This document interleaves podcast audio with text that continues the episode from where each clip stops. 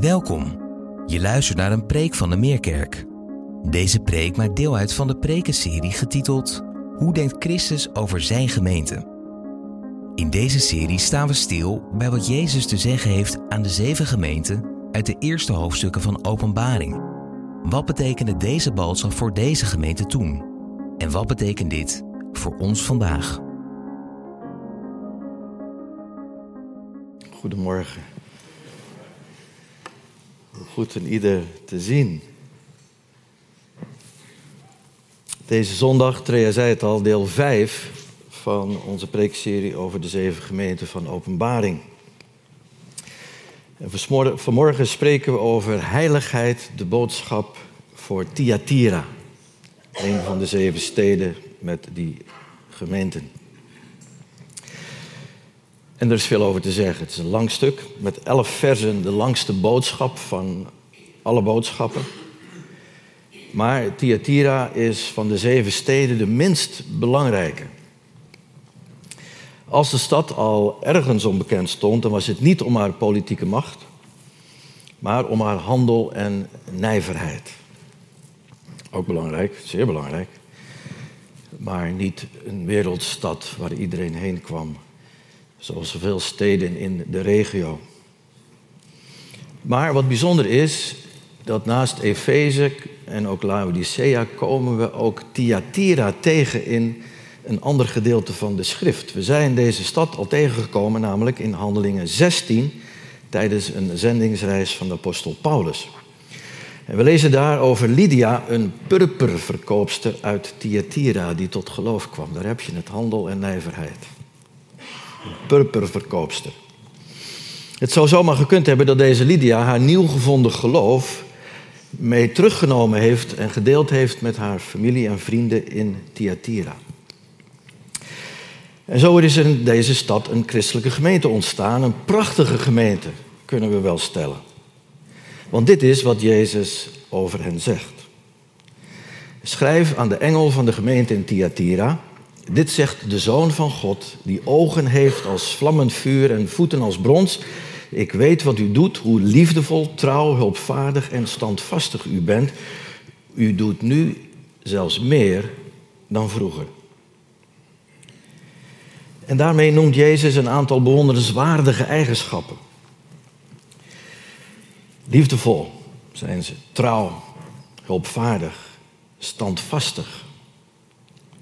En waar in Efeze door de tijd heen de liefde onder druk kwam te staan en zelfs verzaakt werd, hebben we gezien, namen de goede werken in Thyatira in de tijd gerekend juist toe. John Stott, een bekende prediker uit Engeland vorige eeuw, noemt de gemeente van Thyatira een prachtige tuin waarin de mooiste christelijke genadegaven bloeiden. En die genadegaven waren aan de ene kant een nederig dienstbetoon en aan de andere kant die prachtige door Paulus vaak benadrukte drie eenheid van geloof, hoop en liefde. Van Thyatira kon dus gezegd worden wat ook Paulus over de Thessalonicensen schrijft. Wij danken God altijd om u allen, onophoudelijk gedachtig aan het werk van uw geloof, de inspanning van uw liefde en de volharding van uw hoop op de Heer Jezus Christus. En zoals we al lazen in de eerste vers aan Thyatira, onderstreept Jezus zelfs dat hun geloofswerken, die op zich al prijzenswaardig zijn, alleen maar in de tijd toegenomen zijn. En dus niet, in contrast met Efeze, afgenomen zijn. Ja, zelfs verzaakt zijn. Je zou kunnen zeggen dat de gemeente in Thyatira volwassen geworden is in haar geloof. En haar volwassen en gezonde ranken groeiden en bloeiden aan Jezus de wijnstok en droegen steeds meer vrucht. Een indrukwekkend getuigenis. Maar dan komt er een wending in de woorden van Jezus. Vers 20. Maar dit heb ik tegen u u laat die Izebel, die zichzelf profetes noemt, haar gang gaan, terwijl ze mijn dienaren met haar uitspraken tot ontucht en tot het eten van offervlees verleidt. En hoewel ik haar de tijd heb gegeven om tot inkeer te komen, weigert ze haar ontuchtig gedrag op te geven. Ik zal haar ziek maken en hen die overspel met haar plegen in ellende storten, tenzij ze zich van haar daden bekeren. Haar kinderen, haar volgelingen, zal ik laten sterven aan een dodelijke ziekte. Nou, dat zijn pittige woorden. Wat was er gebeurd in die zo prijzenswaardige gemeente van Thyatira? Wat was er gebeurd in die prachtig bloeiende tuin? Het was ongetwijfeld klein begonnen. Een giftig kruid had de kans gekregen te ontkiemen, te groeien en nu begon het te woekeren en te overwoekeren. Zeker, de gemeente was een voorbeeld van liefde, geloof, dienstbetoon, volharding. Maar het ontbrak aan het koesteren en beschermen van de heiligheid. Het kostbare wat God in hen gegeven had door zijn heilige geest. Hoe kwam dat? Door een gebrek aan onderscheidingsvermogen? Ja, zou kunnen. Door een gebrek aan moed? Ja, zou kunnen. Misschien wel beide. Er was ook geen moed om, als het al onderscheiden werd, het kwaad aan de kaak te stellen. En het wordt ons niet vermeld hoe het kwam, maar het resultaat is duidelijk. Het was een groot en groeiend kwaad. En ook hier dringt zich een vergelijk op met de gemeente van Efeze. Efeze kon het kwaad, de zogenaamde apostelen, die zo ook genoemd werden, daar begint de brief mee, de boodschap. Efeze kon het kwaad van die zogenaamde apostelen niet verdragen. Maar ze had de liefde niet. Thyatira bezat de liefde, maar ze verdroeg een kwade vrouw die zichzelf profetes noemde en liet deze Isabel begaan. Heiligheid van leven en karakter mag en kan niet ontbreken te midden van alle verdiensten. Ja, ze heeft een prominente plek in die bloeiende, groeiende wijngaard van de Heer, waar geen onkruid verdraagd wordt. Hoe klein en onschuldig dit onkruid wellicht ook schijnt. Vandaag vieren we het avondmaal en we weten dat een heel klein beetje zuurdees met brood kan doorspekken als het ware. En over een wijngaard gesproken, we kennen de uitdrukking, we waarschuwen, het zijn immers niet. Het zijn immers de kleine vossen die de wijngaard be- en verderven. Iets kleins kan iets groot worden. En dat was gebeurd in Thyatira. En daarom vanmorgen goed, wanneer we het avondmaal vieren en denken aan redding en verlossing en rechtvaardiging, moeten we ook zeggen, in Christus leidt die verlossing en die rechtvaardiging en die redding ons tot heiligheid. Nu, heiligheid betekent in haar essentie apart gezet zijn. Wie er wel eens geschilderd heeft, dan denk ik, ik heb alles geraakt. En dan komt het zonnetje en de schaduw en dan kijk je en dan, oh, daar zit nog een heilige plek. Die is apart gebleven. Die is niet meegenomen in het prachtige wit van wat we geschilderd hebben. Heiligheid is dus ook een heel gewoon huistuin en, huistuin en keukenwoord. Apart gezet. In Christus, en dan komt de geloofstoepassing, in Christus worden we een apart gezet volk, een apart gezette gemeenschap, een apart gezette bruid. We zongen het net, we zijn pelgrims, we zijn anders. We zijn apart gezet.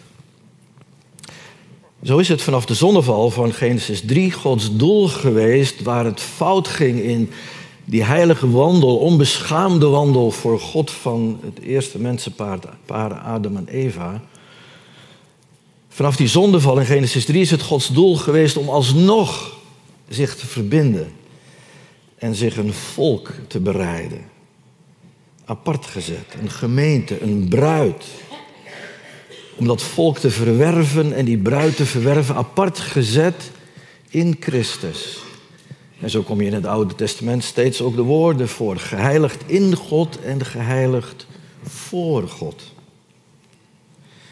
En het boek Openbaring eindigt ook, zoals we al eerder zagen, met de zuiver, onbevlekte, heilige bruid die apart gezet is om verenigd te worden met haar bruidegom Jezus Christus.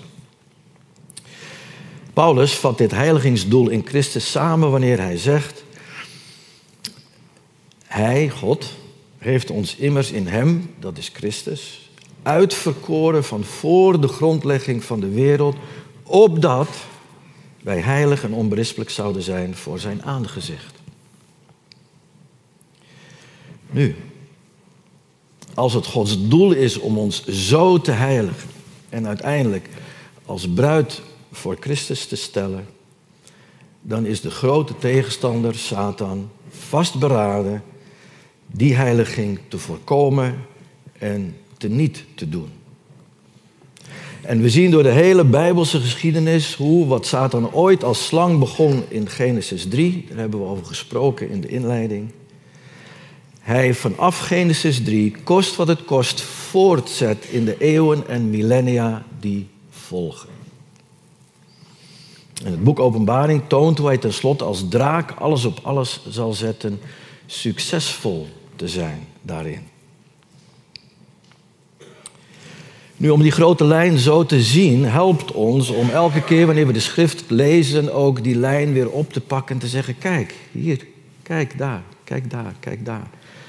En als we ons dit realiseren, dan is het duidelijk dat we in de boodschappen aan de zeven gemeenten zien hoe Satan vanaf het ontstaan van de gemeente van Jezus Christus maar één agenda heeft.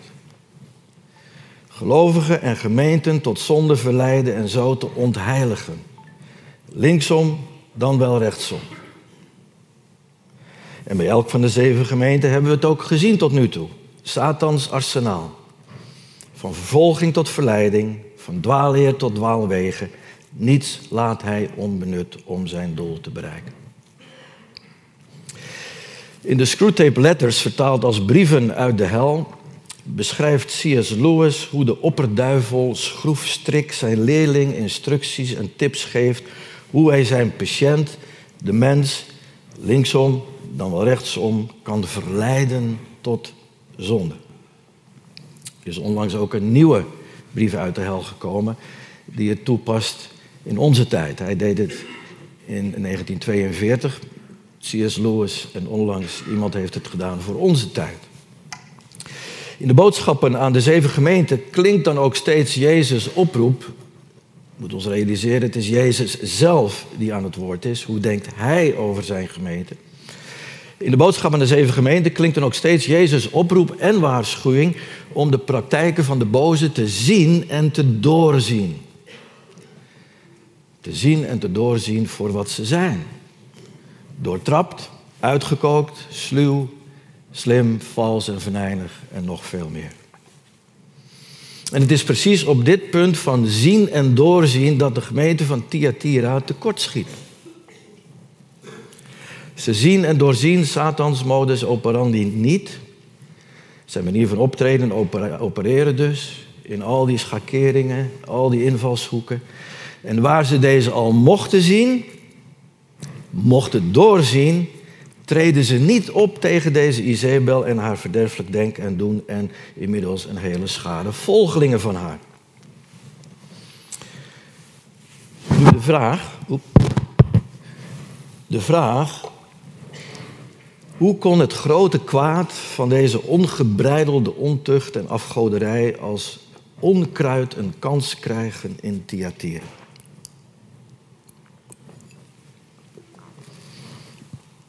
Misschien verbaas je je wel een beetje. Dan zeg je, nou, oeh, christelijke gemeente. Hoe kan het?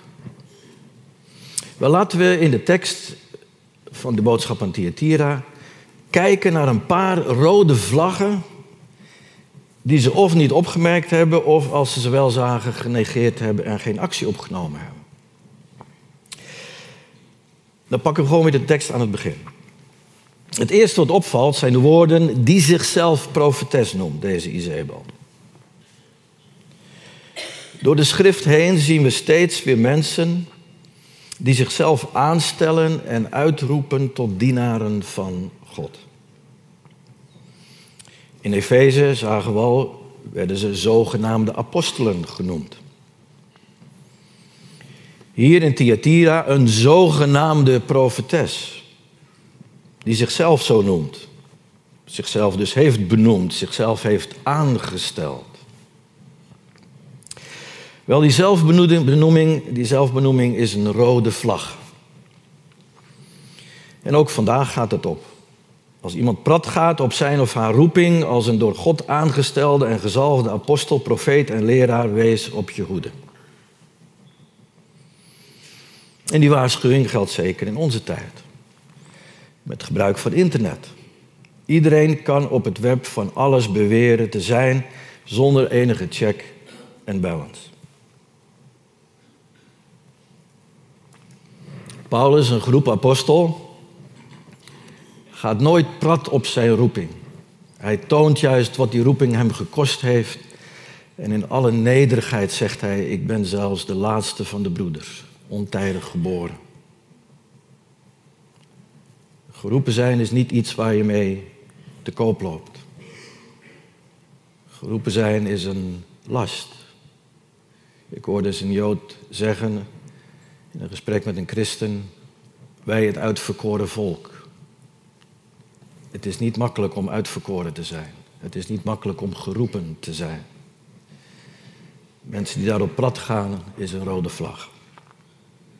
Wel, de tweede rode vlag houdt daar direct verband mee. U laat die Izebel haar gang gaan. Als mensen vol van zichzelf zijn en zich daarbij geestelijke posities en macht aanmeten, moeten ze die act ook wel volgen. Ze zijn in een zelfvervullende profetie gekomen. Ze hebben zich tot profeet verklaard en nu moeten ze zich ineens ook zo gaan gedragen met alle maniertjes, met alle woorden, met alle dingen. En dat is vaak om je gang te kunnen gaan. Ze komen heel stellig over, heel zelfverzekerd. Ze doen de voorkomen alsof ze Gods rechterhand zijn, zo niet zijn kleine broertje. En het is moeilijk deze mensen te weerstaan. Zeker als je een gevoelig hart hebt en een gevoelige antenne voor de dingen van God, kan het zomaar zijn dat je denkt: ja, wauw, ja. Want er zit altijd wel iets van waarheid in hun verhaal. En zo word je aangesproken op een ogenschijnlijk reële nood. En men beweert, de profeet of profetes, voor die nood een reële, echte oplossing te hebben uiteraard een bijbelse oplossing. Meestal los van enige context wordt er met een hoop overtuigingskracht een bijbelvers uit de schrift getoverd. Het oude gezegde is waar. Elke ketter heeft zijn letter. En menig toehoorder zwicht voor deze invloed en overredingskracht. Maar hoe zuiver zijn de woorden? Hoe zuiver de motieven.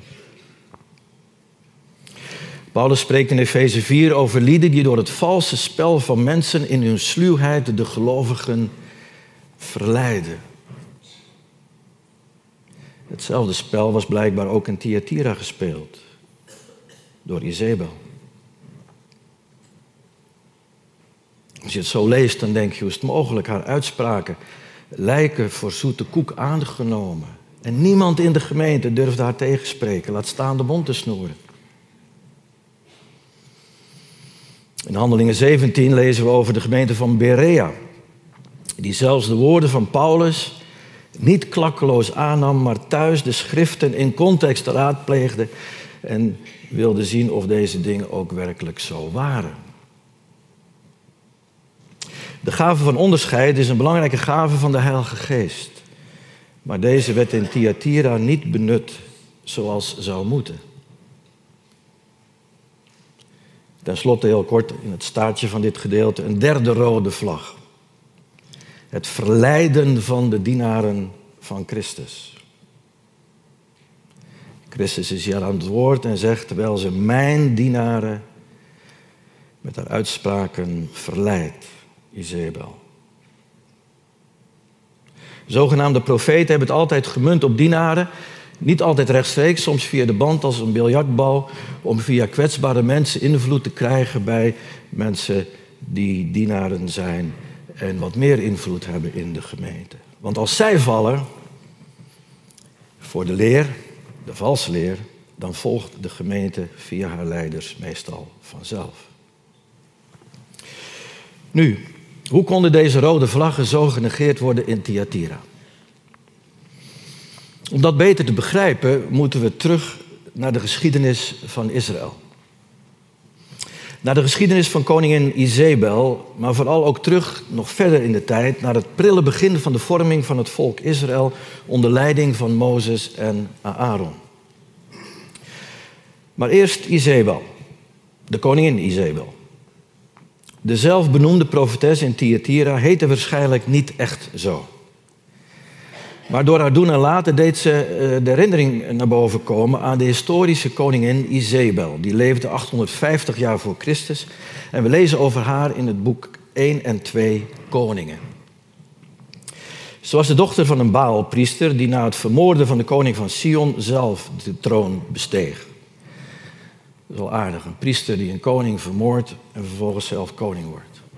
En daar de dochter van. Isabel droeg dus een aardige geschiedenis met zich mee, die niet erg rooskleurig en mooi was. Nu deze uit Sidon, dus buitenlandse Isabel, wordt de echtgenote van Agab, de koning van Israël. Nu, Agab is een zwakkeling, die geen partij blijkt voor Isabel en zo krijgt ze vrij spel. Je ziet de overeenkomst met Isabel en Thyatira, zij blijkt ook vrij spel te krijgen. En dit alles met een desastreuze invloed aan het hof, in het land en op de godsdienst van Israël. Ik kan niet verder over uitweiden. John Stott, ik citeer hem nog maar een keer, schrijft samenvattend over het hele stelsel van offeranden. Ze had 850 Baalpriesters tot haar beschikking. Het was een hele invasie in Israël van deze koningin Izebel. Een heel stelsel van hoe ze alles naar haar hand probeerde te zetten. En dan zegt John Stott samenvattend dit. Izebels beestachtige stelsel had zo'n complete scheiding tussen de moraal, de ethiek enerzijds en de godsdienst anderzijds aangebracht, dat het zelfs grove seksuele immoraliteit onder de dekmantel van vroomheid, misschien wel heiligheid, aanmoedigde. Parallel met Thyatira duidelijk. Maar dan weer die vraag. Het is wel een aardige verklaring, maar hoe kon dit, deze immoraliteit en heiligheid op deze manier samengaan? Ieder weldenkend mens, je denkt nu, hoe, hoe kon dit gebeuren? Het kon omdat de ware godsdienst van Yahweh, Jehovah, de Heere, met hoofdletters geschreven, de schepper van hemel en aarde, heel subtiel, heel geniepig, beïnvloed, geïnfiltreerd, vermengd en tenslotte versmolten kon raken door valse godsdienst en afgoderij. En om dat subtiele te begrijpen, moeten we nog verder terug in de geschiedenis. Ik zei het al, en dan gaan we 700 jaar nog voor Izebel. Terug naar de geschiedenis van het volk Israël en de aanbidding van het gouden kalf. We lezen het verhaal in Exodus 32. Mozes is op dat moment op de berg Sinaï om daar van God te horen. Maar zijn verblijf op de berg duurt langer dan verwacht en het volk wordt ongeduldig en dringt er bij Aaron op aan: Maak een God voor ons die voor ons uit kan gaan, want wat er gebeurd is met die Mozes, die ons uit Egypte heeft geleid, we weten het niet. Maar het verhaal met Mozes en Yahweh lijkt over. Want waar is hij? Waar blijft hij? En Aaron antwoordt en geeft toe. Komt zelfs met een plan. Dacht hij sluw te zijn, dat, van dat doen ze toch niet. Want wat is zijn plan? Hij zegt, Neem dan uw vrouwen, zonen en dochters hun gouden oorringen af en breng die mij hier. Oh, je kunt je voorstellen dan uh, thuis ga jij je oorbel geven. Nou, ga jij doen. Oorbel was een beetje, dat zat aan je lichaam. Dat was wat je had, wie je was.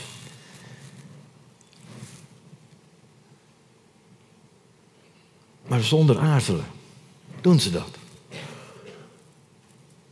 En Aaron heeft aangezegd, moet B zeggen en laat het goud omsmelden en maak er een beeld van in de vorm van een kalf. Nu zou je denken, dit kalf, dit gouden kalf, is een afgodsbeeld. Een andere god. Een Baal, een god van de omringende volken. Israël is het zat. Mozes, die God vertegenwoordigde, laat niets van zich horen. Jawel is afgeschreven. Nu gaan we maar het heft in eigen hand nemen en maken gewoon zelf een God. Maar nee, dat, dat, dat is het niet. Was het maar zo duidelijk? Nee. Het was niet dat ze in hun ongeduld dachten: we ruilen de onzichtbare Yahweh in voor een zichtbare andere God. En hier is hij, het gouden kalf. God heeft afgedaan, nieuwe God, gouden kalf. Maar nee. Afgoderij blijkt zelden het één op één inruilen van de ene God voor de andere. Satan is veel sluwer.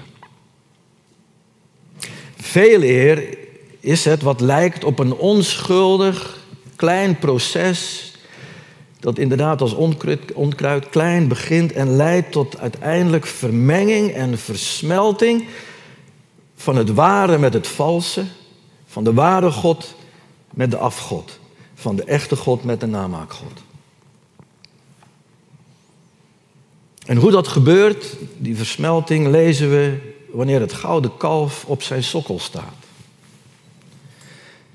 Let op de gekleurde tekst uit Exodus 32, 5 en 6. Het volk riep uit: Israël, dit is je God, die je uit Egypte heeft geleid. Geen andere God. Nee, dit is de God die ons uit Egypte heeft geleid. En toen Aaron zag wat er gebeurde, bouwde hij een altaar voor het beeld en kondigde hij aan dat er een de volgende dag een feest voor de Heer zou zijn. Hoofdletters, Yahweh, Jehovah. Zie je hoe subtiel dit gegaan is? Het gouden kalf is voor het volk geen andere God.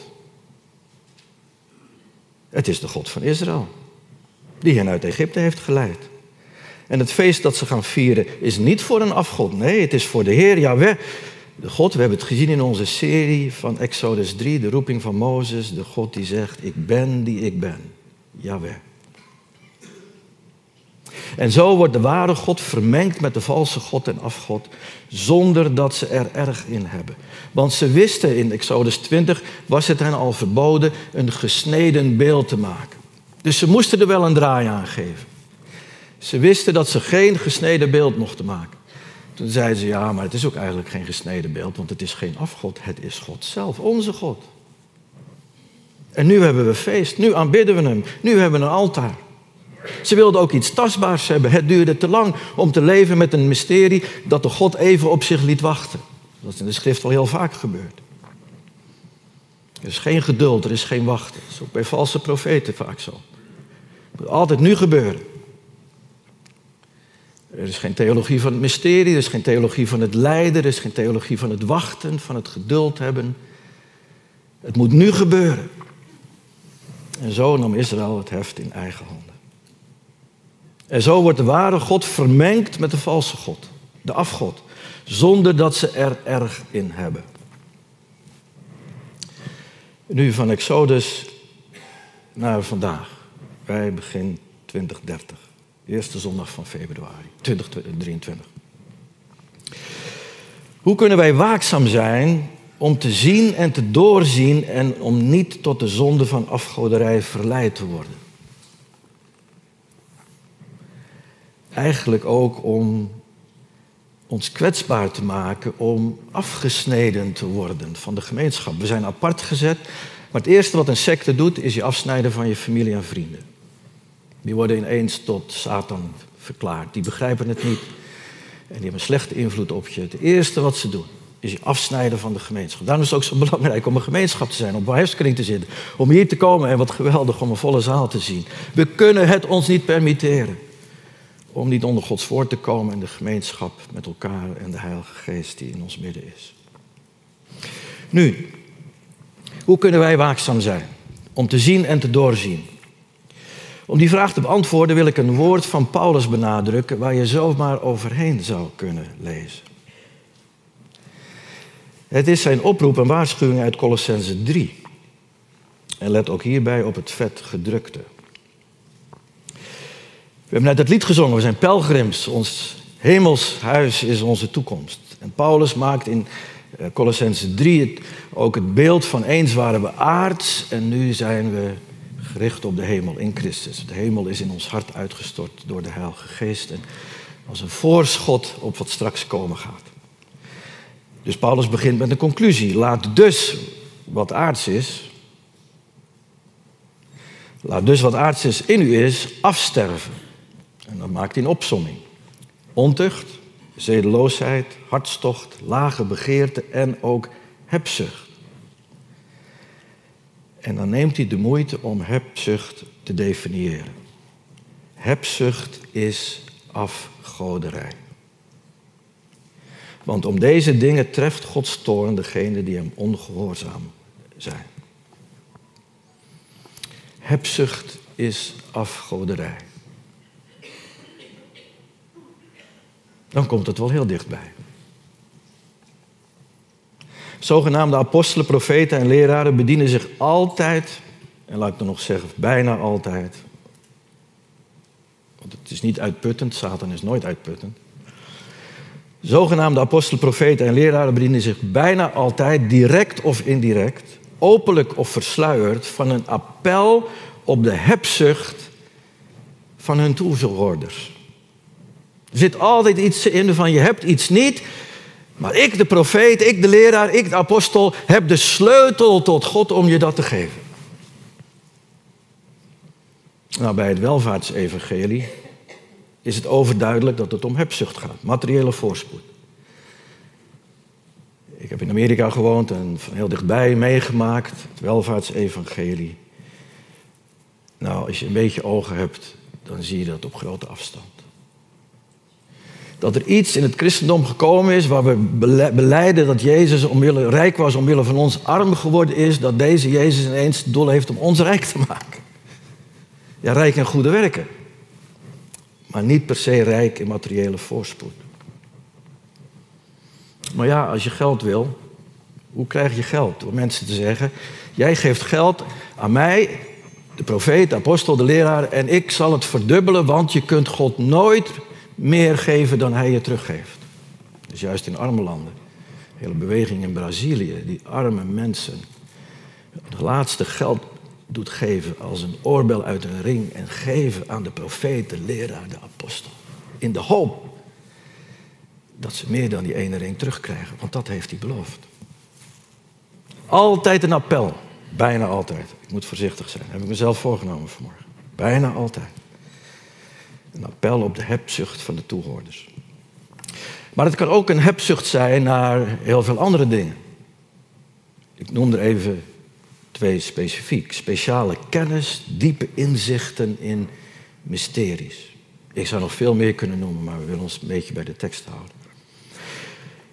In Thyatira wordt gesproken over Izebel en haar aanhangers die er prat op gaan zich te verdiepen, en dan komt weer dat woord, in de zogenaamde verborgenheden van Satan.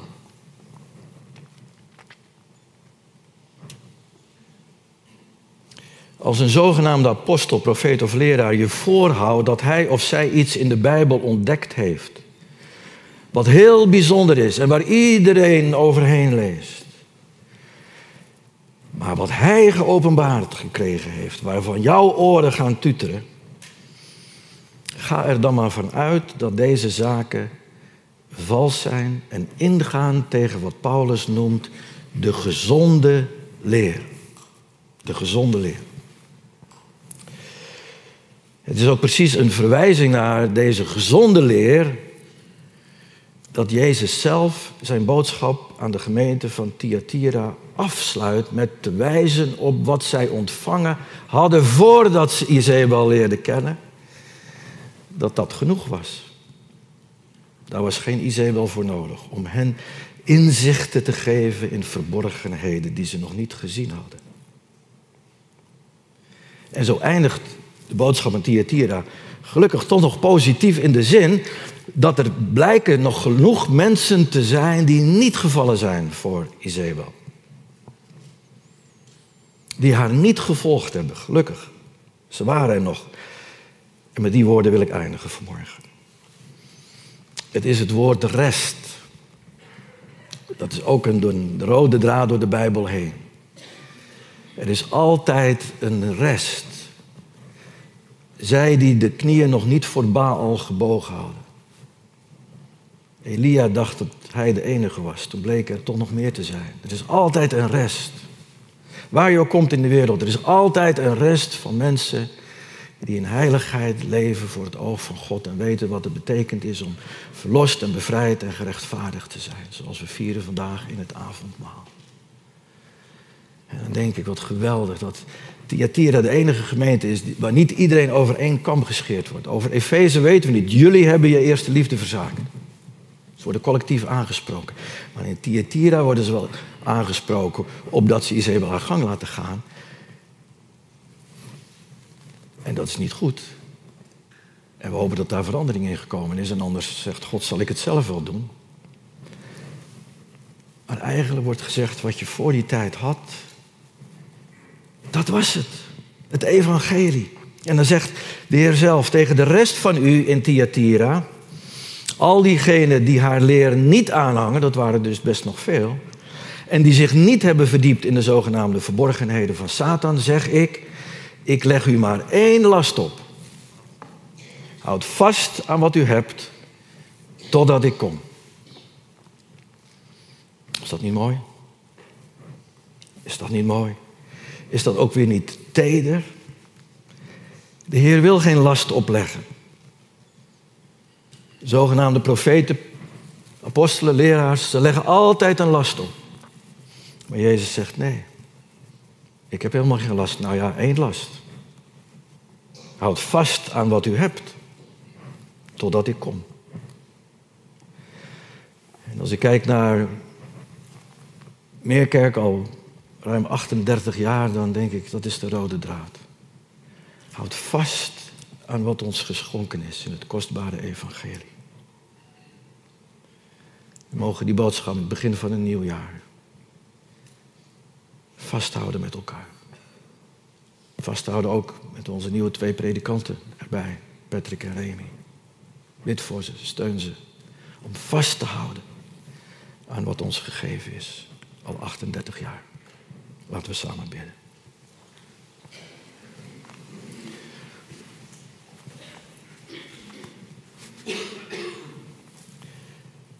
Heer, dank u wel dat we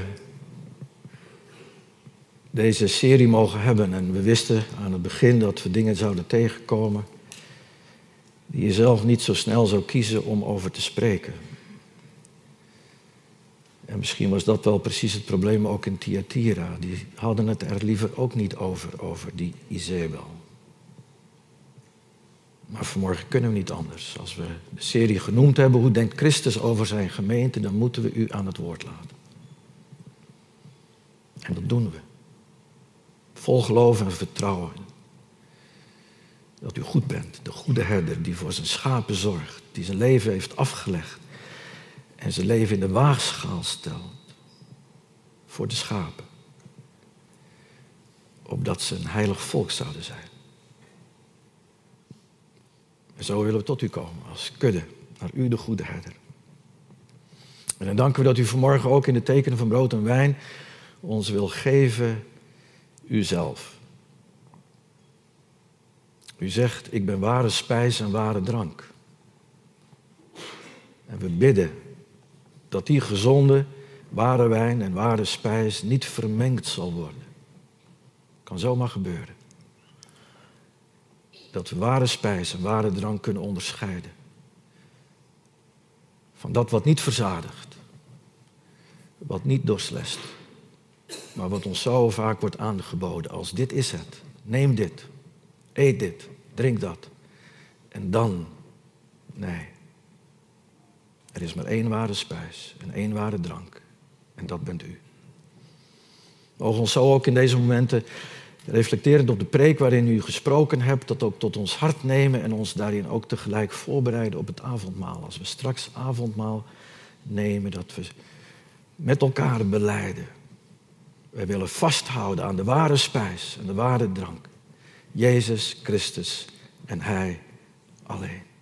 Hij is ons genoeg. En uit Hem willen we leven. En door Hem willen we leven. En tot Hem willen we leven. Tot die grote dag. Neem ons zo, als uw volk, uw gemeente, uw bruid. En leid ons aan uw hand. We mogen zo nu een moment stil zijn. Ons eigen hart onderzoeken. En onszelf te geven en misschien opnieuw te geven aan u. Vergeef ons wat onze hebzucht misschien ons geleid heeft, ook geestelijk, op wegen en paden die ons niet naar u toe brengen, maar van u afleiden. Spreek zo tot ons hart in deze momenten van stil gebed en stille overgave.